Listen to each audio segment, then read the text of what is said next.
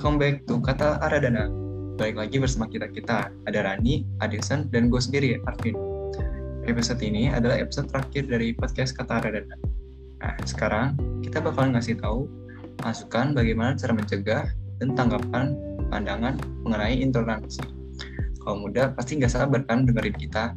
Nah, sebelum itu, dan years, episode sebelumnya kan kita udah bahas aksi intoleransi dan pengalamannya. Nah sekarang gue bakal ngejelasin dampak negatifnya.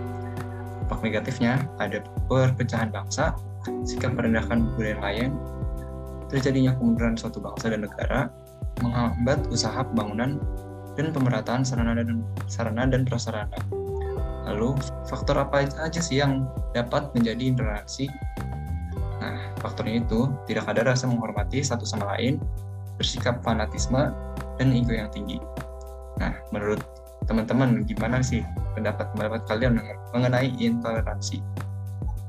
Adesan gimana pendapatnya mengenai intoleransi di Indonesia?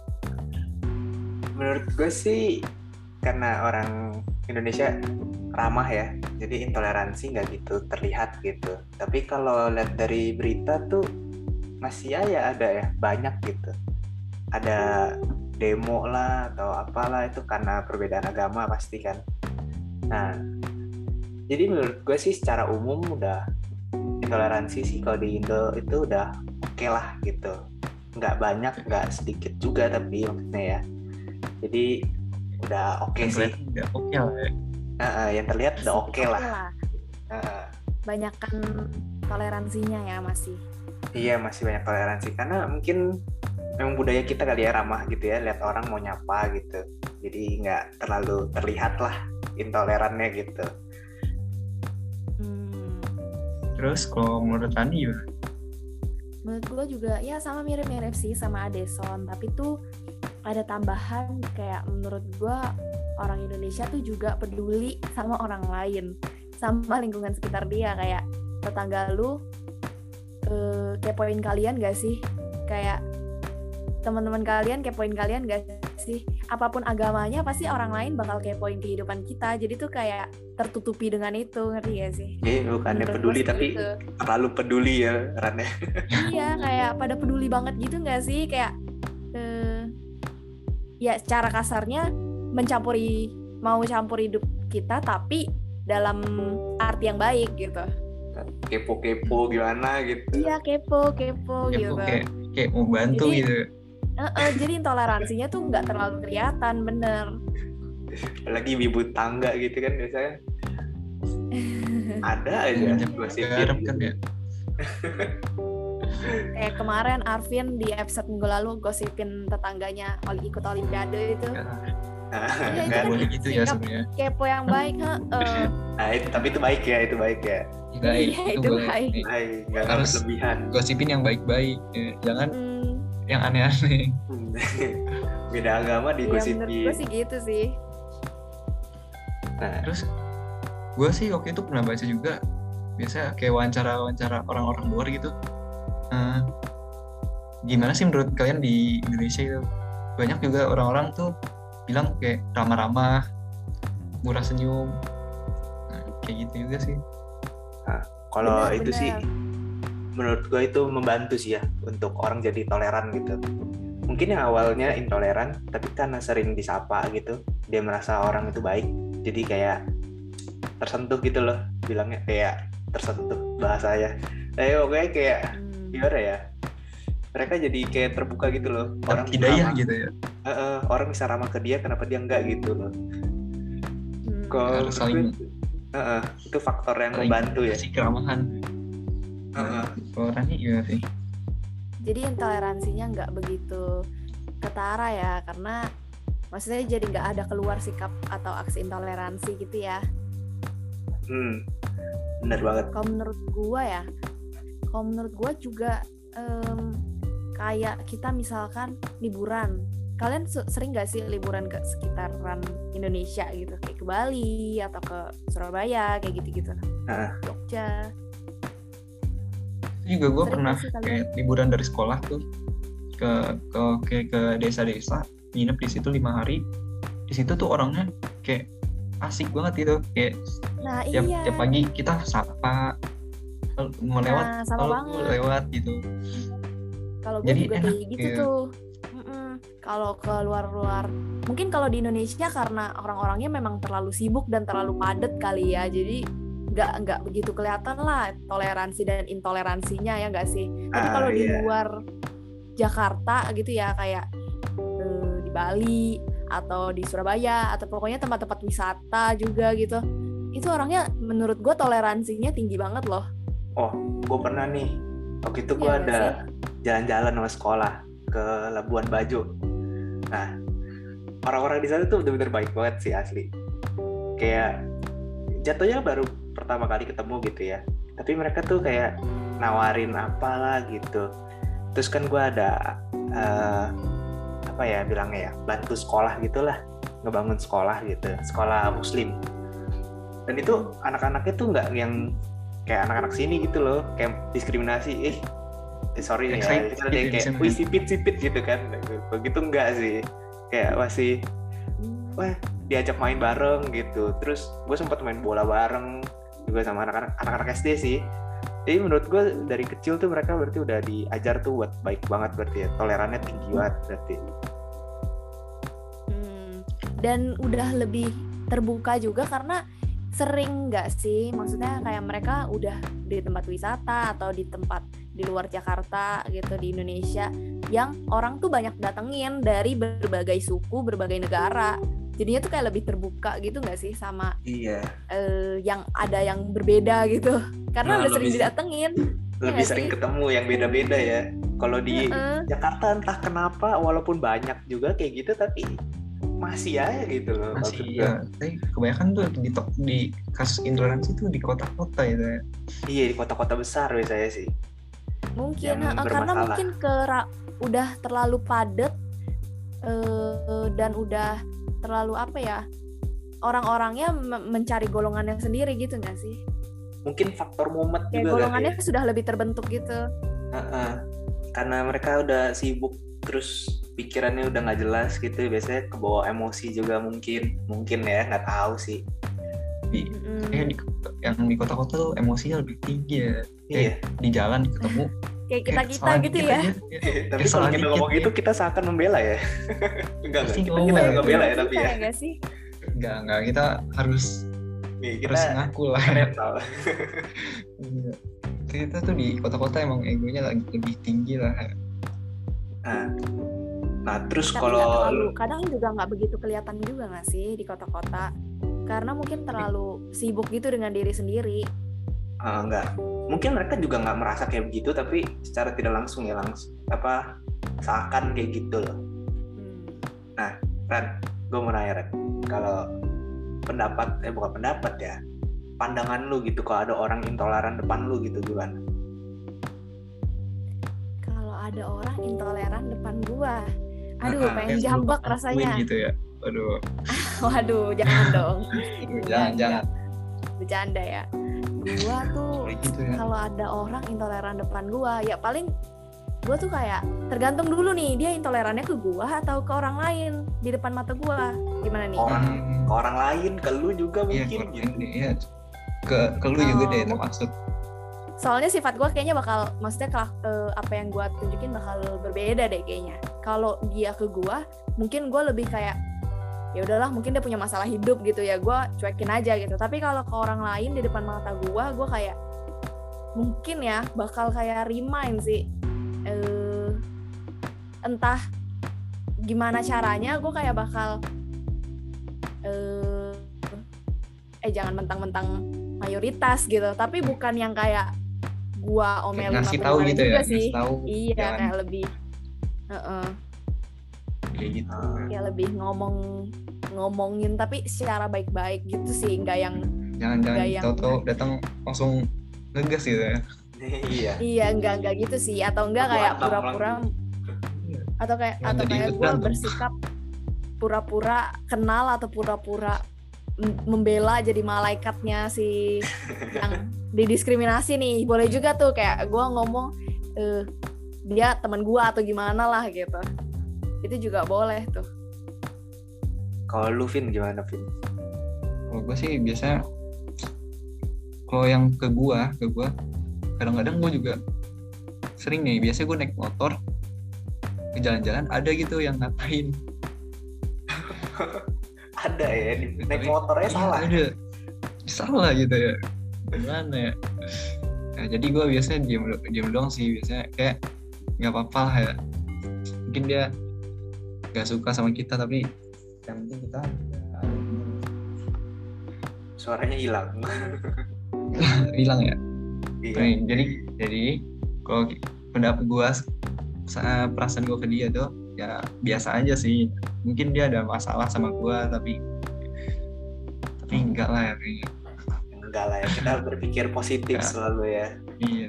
Kayak kita anak-anak yang positif sih baik-baik aja gitu. Gue sih baik-baik aja kalau terus pandangan gue kayak ngeliat orang gitu.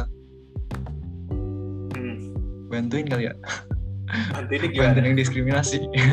Enggak lah enggak, enggak. ya kan kayak seakan-akan ngebela dia aja gitu. Iya, iya. kita ngebelain ngebelain. Jangan gitu ya. Misalnya dia yang dis- didiskriminasi agamanya apa ya? Misalnya Buddha gitu. Ya gue pura-pura kayak eh gue juga mau ke vihara nih. Kapan nih? gitu. Ngerti gak sih? Jadi tuh kayak seakan-akan gue juga Buddha dan dan kita berdua Buddha dengan satu orang yang lagi ngediskriminasi itu. Jadi kayak terus diskriminasi orang yang kita lagi yang menang gitu. diskriminasi gitu ya? Nah eh, jangan jangan. Oh jangan jangan.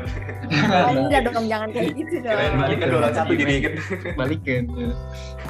Ah, ya, ya. tapi Iya. Kita jujur harus mengajarkan cara Eh, mencegahnya ya.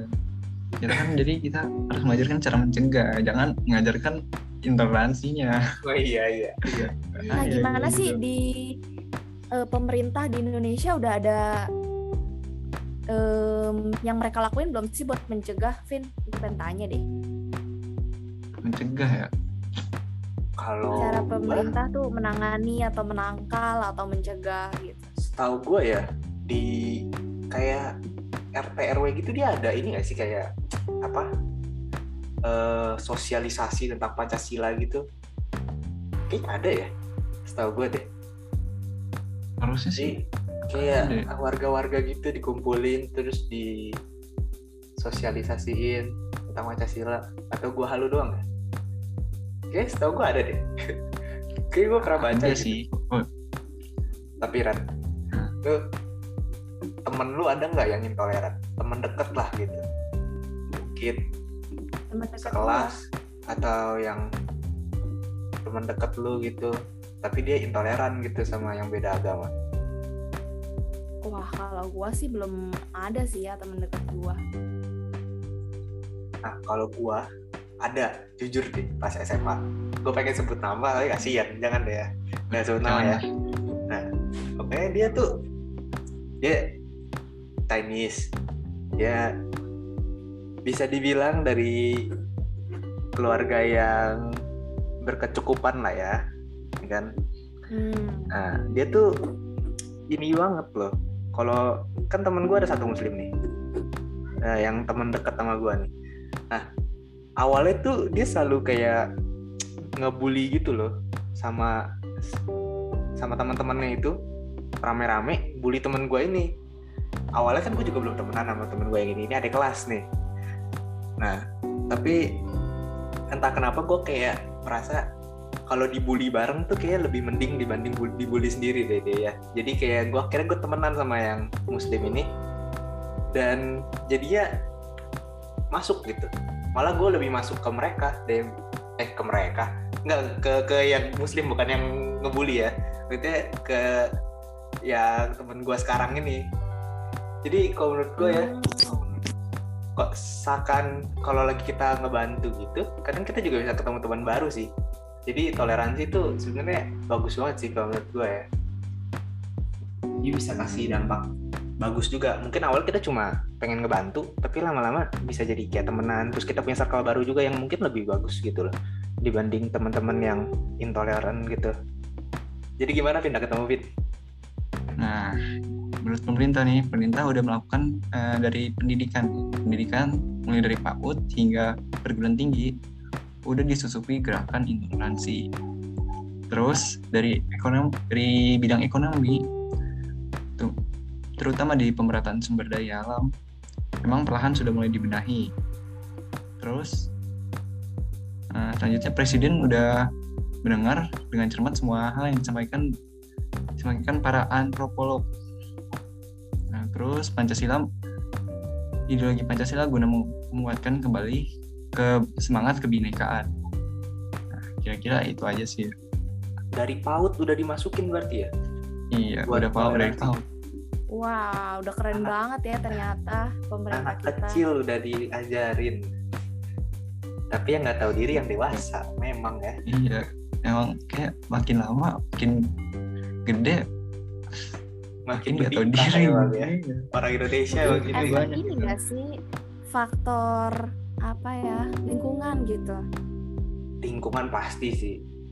Yang hmm, terus? Bawa sama orang-orang lain gitu. Mungkin dianya ah. sendiri enggak tapi tuh kebawa sama orang lain yang iya. iya gitu. Dan mungkin orang lainnya itu juga kebawa sama orang lain gitu. Jadi kayak ya, biasanya itu juga ada kayak orang-orang yang kurang tentang pembelajaran intoleransinya gitu. Jadi eh, kita bergaul sama dia.